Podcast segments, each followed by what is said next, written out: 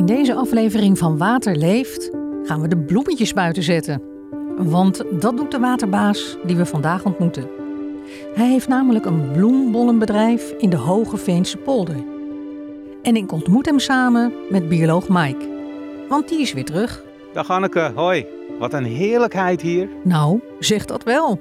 Ja, we staan hier aan de rand van uh, Noordwijkerhout. En we staan hier eigenlijk uh, ja, op een van de percelen. Die staat vol met prachtig paarse hyacinten. En die bollen zijn van Dolf uit den Boogaard van Jup Holland. Goedemiddag, Hanneke. Hij kweekt schitterende bloemen. En wij staan midden in zo'n bloemenveld. Je hebt ze vast wel eens gezien in de keukenhof of uh, op de vele Instagram-foto's. En Dolf vindt het belangrijk dat iedereen bij zijn bedrijf goed op de kwaliteit van het water en de natuur let. En grappig genoeg gaat het Dolf helemaal niet om die mooie gekleurde bloemen, maar om de bol. Ja, kijk, eigenlijk wat we doen is we stoppen kleine bolletjes in de grond en die gaan we heel goed verzorgen. En dan gaan wij in de zomer, vanaf, uh, vanaf juni, juli, gaan wij die bollen weer oprooien. En de dikke bollen die gaan we dan, uh, die verkopen we. En die verpakken we voor uh, bijvoorbeeld in kleine zakjes voor, aan tuincentra. Maar ook voor, ja, voor openbare ruimtes. En de kleine bolletjes die stoppen we weer in de grond om het jaar erop weer grote bollen te worden. Oké, okay, dus er zijn gewoon bollen die inderdaad twee groeiseizoenen nodig hebben... voordat ze groot genoeg zijn om verkocht te worden. Ja, ja, dat klopt. Op het moment dat we gaan rooien, hè, dan heb je dus een hoofdbol met twee of drie kleine bolletjes. Uh, en als ze dan gedroogd zijn, dan gaan we die kleine bolletjes gaan we eraf halen. En bij tulpen noemen we dat uh, tulpen bollenpellen. Hè, misschien kent u dat wel van, uh, ja. van vroeger. Dat werd toen allemaal met de hand nog gedaan. En tegenwoordig gaat het allemaal machinaal. En bij narcissen doen we dat, noemen we dat weer breken. Dan breken we de kleine spaantjes breken we dan af van de hoofdbol. Ja, en zo houden we eigenlijk onze partijen in stand en kunnen we, kunnen we de bollen uh, aanbieden voor de, voor de consument. Wat, wat, wat, grappig, ik had altijd zelf uh, een heel ander beeld bij bollenpellen. Ik dacht dat dat echt letterlijk gewoon de schil van de bol afpellen was. Maar het gaat dus eigenlijk om die, ja, die, die, die, die jonge spruiten, die kleine bolletjes die er vanzelf aangegroeid zijn. Ja, klopt. Dat heb je misschien ook wel eens gezien, dat als het veld helemaal mooi in bloei staat dan gaan ze die koppen eraf halen. En dat noemen ze met tulpenkoppen. En dan, dat, dan zorgen ze er eigenlijk voor dat de energie dat die niet meer naar de bloem gaat, maar dat die terug de bol in gaat. En zo kan die bol weer groter worden. En dan zie ik hier uh, tussen die hyacinten af en toe van die verdwaalde narcissen en uh, tulpen. Heeft dat nog een bestemming? nee, dat is een restantje van vorig jaar. Zo leren we nog eens wat. Je koopt dus niet die mooie bloemen in het veld, maar de bol eronder. We lopen door met Dolf dieper de Hoge Veense polder in, naar zijn volgende bloemenveld. En hij ziet iets wat heel typerend is voor dit gebied. Dat is de Hogeveense molen. En de Hogeveense molen die heeft tot een paar jaar geleden eigenlijk dienst gedaan als gemaal voor deze Hogeveense polder. En die is twee jaar, twee jaar geleden vervangen door het grote gemaal aan de Leidse Vaart dus nu uh, wordt dat bediend vanuit het uh, hoofdkantoor in, in Leiden door Rijnland. Maar voorheen ja, deed de molenaar eigenlijk, zorgde die voor het waterpeil hier in de polder. Nou, dat is echt een fantastische geschiedenis. Dus waterbeheer en bollen, dat gaat echt lang terug. Dat gaat heel lang terug, ja. ja. ja. Even Dolf over jouw persoonlijke familiegeschiedenis. Ik neem aan dat je niet zomaar hier inrolt. Nee, nou ja, en misschien ook wel. Uh, ik heb eigenlijk van, van jongs af aan altijd wel hier in het bedrijf geholpen. Uh, mijn vader was verantwoordelijk voor de kwekerij, hè, dus voor, de, voor het buitenwerk en de, en de bollenproductie. En in de vakanties heb ik altijd uh, op het land ook geholpen met, in, in de oogstperiodes en de plantperiodes. Nou, ik ben daarna eigenlijk gaan studeren in Rotterdam, maar wel altijd in de, in de vakanties hier blijven, blijven werken. Wat ben je gaan studeren? Uh, financiële economie aan de, aan de Erasmus. Is dat niet iets heel anders dan buiten werken? Dat is zeker wat anders. Uh, en, uh, maar ik heb juist altijd ja, de afwisseling en om, om toch weer even terug te gaan hier naartoe al, altijd als wel heel prettig ervaren. Ook, ook ja, het landschap hier, de openheid, de mooie velden. ja, dat heb ik altijd wel heel erg gewaardeerd. En na mijn studie heb ik ook nog zes jaar ergens anders gewerkt. Bij, bij KPMG in de fusie- en overnamebranche gewerkt. Maar het begon toch weer te kriebelen in 2013. En kan je zeggen wat precies uh, je aantrok in het familiebedrijf? Kijk, het bedrijf bestaat al meer dan 100 jaar. We zijn in 1910 opgericht en uh, het is toch wel heel bijzonder uh, dat we nu 111 jaar bestaan. En wij zijn van de vierde generatie. En samen met twee neven en een oom zit ik dan in de directie. En we hebben allemaal ons eigen vakgebied. we laten elkaar daarin ook goed vrij, zodat iedereen ja, zijn eigen ding kan doen. Ik ben zelf verantwoordelijk voor de financiën. Ja, en dat is eigenlijk een ideale combinatie. Hoe koester je dit nou? Hoe ga je dit bewaren als je kijkt naar uh, wat dat land hier nodig heeft? Kijk, de belangrijkste taak voor ons is uh, om, om, goed te blijven zorgen voor de polder.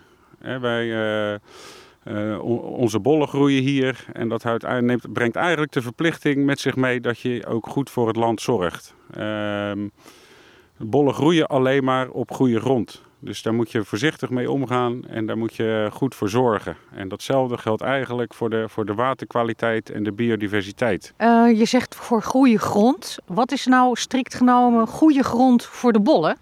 Nou, we staan hier natuurlijk op karakteristieke zandgronden. die zijn, uh, en we staan hier ook midden in een Hyacintenveld. Uh, als je hier loopt, dan voel je het eigenlijk al. Het is gewoon ook hele makkelijke grond om, om mee te werken. het is hier nooit, bijna nooit nat. En uh, ja, uh, door, door de waterstand en, en het watersysteem hier in de polder is het ook eigenlijk nooit te droog.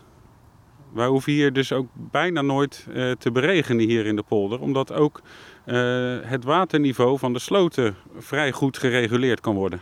Oké, dus er hoeft nauwelijks beregend te worden, ondanks dat het zandgrond is. Want ik, ik zou dan denken, van, ja, dan loopt dat water heel snel weg. Maar... Ja, klopt. En de, de, dat is ook wel weer een nadeel van zandgronden, dat de uitspoeling is, uh, is, is vrij hoog. Uh, ook van, de, van, de organische, van het organische stofgehalte. Dus we moeten wel blijven bijmesten. Hè, dat heb je bijvoorbeeld in kleigronden heb je dat, heb je dat niet of minder. Uh, maar ja, zoals je ziet, het water staat hier ook wel vrij hoog. Hè? En, en uh, doordat wij goede, goede contacten hebben met, uh, met Rijnland en de, de pijlbeheerder hier vaak in de polder komt en die weet ook wat de gewassen nodig hebben, is dat voor ons heel fijn om daarmee uh, ja, snel te kunnen schakelen. Als het heel warm wordt en de gewassen, zoals nu, die hebben gewoon water nodig. En dan kunnen wij met de pijlbeheerder kunnen we vragen van, goh, is het al mogelijk om naar het, wind, naar het zomerpeil over te schakelen? En dan gaat de waterstand gaat gewoon omhoog. Ja, dus je kan echt een, een goede 1-2 maken met, uh, met de watersysteembeheerder uh, hier in deze polder. Ja, dat gaat echt, uh, dat gaat echt hartstikke goed. Oké, ja, en dat is natuurlijk super belangrijk, hè? Dat die, die, die, de waterhoeveelheid. speelt de kwaliteit van het water voor de bollen no zelf zeg maar, nog een rol? Nou, wat heel belangrijk is, is dat het natuurlijk zoet water is. En, en daar hebben we ook hier, je zou zeggen van ja, je zit dichtst bij de zee, dus dan heb je een soort zoutwaterdruk. Maar dat is hier helemaal niet aan de orde. Het is allemaal mooi, mooi schoon, zoet, zoet water. En we meten dat. We hebben daar een, eh, een, een, meetstation in het land staan. En dan kunnen we de temperatuur en de, en de vochtigheid van de grond kunnen we, kunnen we daarmee meten. En we hadden vorig jaar bijvoorbeeld had je best wel een droge periode. En dan zaten we, zaten we op kantoor zaten we te kijken naar buiten. Van god, het wordt wel warm, moeten we niet gaan beregenen. Ja, en toen hebben we toch uh, het meetstation geraadpleegd. En, en die gaf aan dat er nog genoeg water, uh, genoeg vocht in de grond zat. En toen hebben we niet hoeven, toch niet beregend. Nee, dus inderdaad die moderne technieken, hè, die dan ook hier dus hun intrede doen, die, die helpen je echt bij dit soort keuzes uh, maken. Over wel niet beregenen. En dus ook bij het zuinig of verstandig omgaan met zoet water. Ja, ja, kijk, waar het uh, vroeger misschien wat meer op gevoel en ervaring ging, uh, wat niet per definitie wil zeggen dat dat niet goed is, uh, maar heb je nu gewoon concreet een, ja, concrete data die laten zien wat je moet doen. Dolf grijpt alles aan om de natuur en het water goed te houden in het gebied. Zo heeft hij bijvoorbeeld speciale buizen onder de grond geplaatst om ervoor te zorgen dat er niet te veel fosfaat in de grond terechtkomt. Ja, dat zijn, uh, het zijn eigenlijk grote, grote plastic buizen. En er zitten hele kleine gaatjes in. Die zijn weer omwikkeld met, uh, met kokos. En ja, daar spoelt het water in. Uh, maar dat gaat dus nu eerst weer door een laagje, laagje ijzerzand. En dan in de, bij, de, bij de pomp, daar zitten twee putten. En dan kunnen we, daar zitten vlotters in. En dan kunnen we op het moment dat eh, de waterstand of het, eh, het, het grondwater te hoog is, kunnen we de pomp aanzetten. En dan stroomt het, water, eh, het schone water de sloot in. En gebleken is, is dat in de winter ja, daar een enorme fosfaatreductie ge- gerealiseerd is. Nu weet ik dat er verderop op een ander ge- gebied, zeg maar, in de, in de Bollenstreek, dat daar collega's van, van jullie heel actief zijn met, ja, met patrijzen. Ja, die eh, p- patrijs is natuurlijk echt een, eh, een, een bolle vogel bij uitstek. En, en eh, het gaat ook niet zo goed met de patrijs.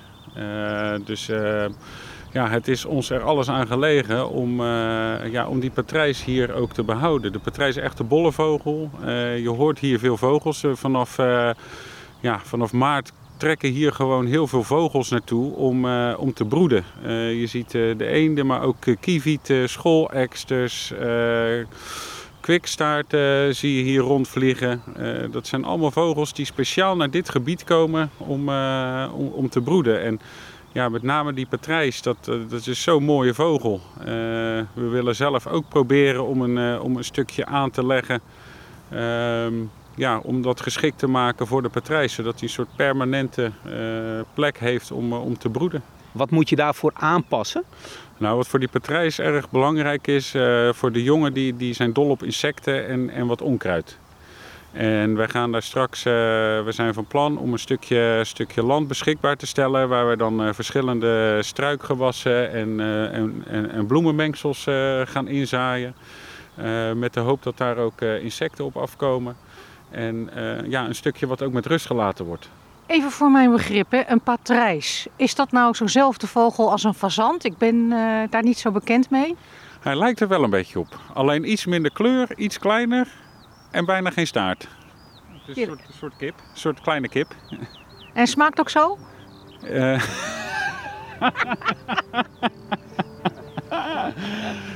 de, de, de jacht op de patrijs is al eh, eh, heel lang eh, gesloten. Dus eh, ik zou het niet weten meer hoe het smaakt. Op dat moment zien we een auto aankomen rijden over het land.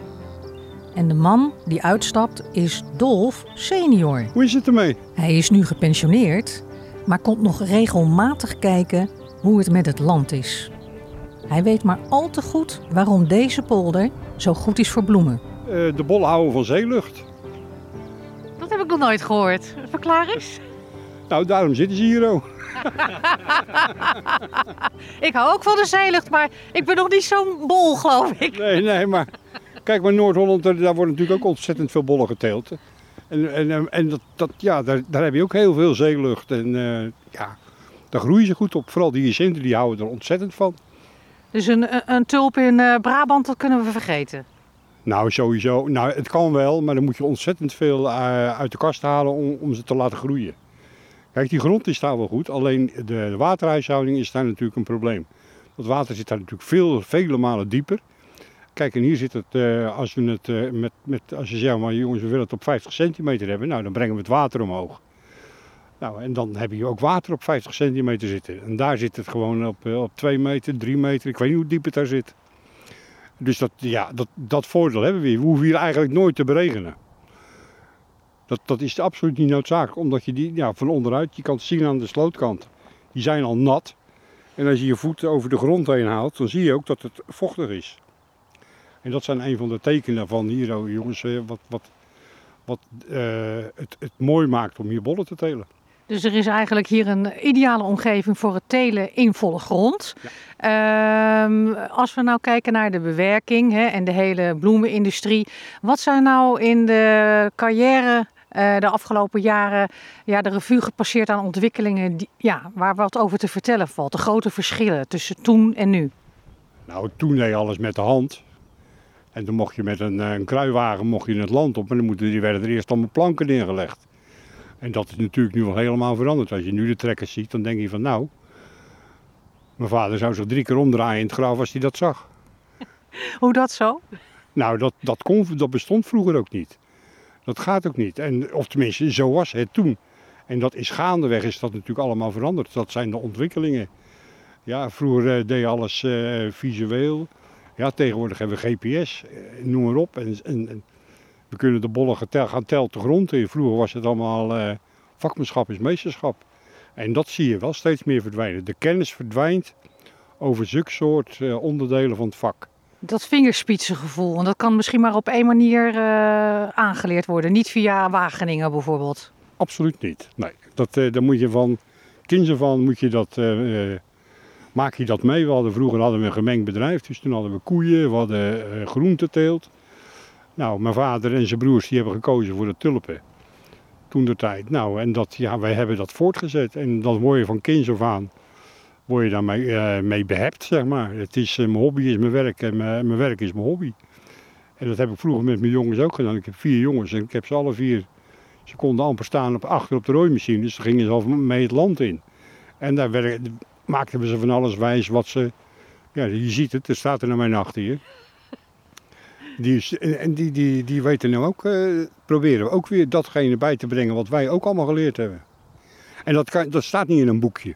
Ja, en nou heel stiekem doe ik net eh, of ik even ergens anders naartoe loop, want dan wil ik even toch verifiëren. Dolf, heb jij nou het idee, junior heb ik het nu over, dat je streepje voor hebt door dat vingerspitsengevoel wat je van je vader hebt geleerd? Nou, uiteindelijk moet je natuurlijk wel gevoel hebben bij wat je doet. Ik, ik doe de financiën, maar als ik niet weet hoe het hier in het veld en hoe dat werkt met die bollen en hoe het groeit, het zijn geen, eh, het zijn geen boutjes en moertjes.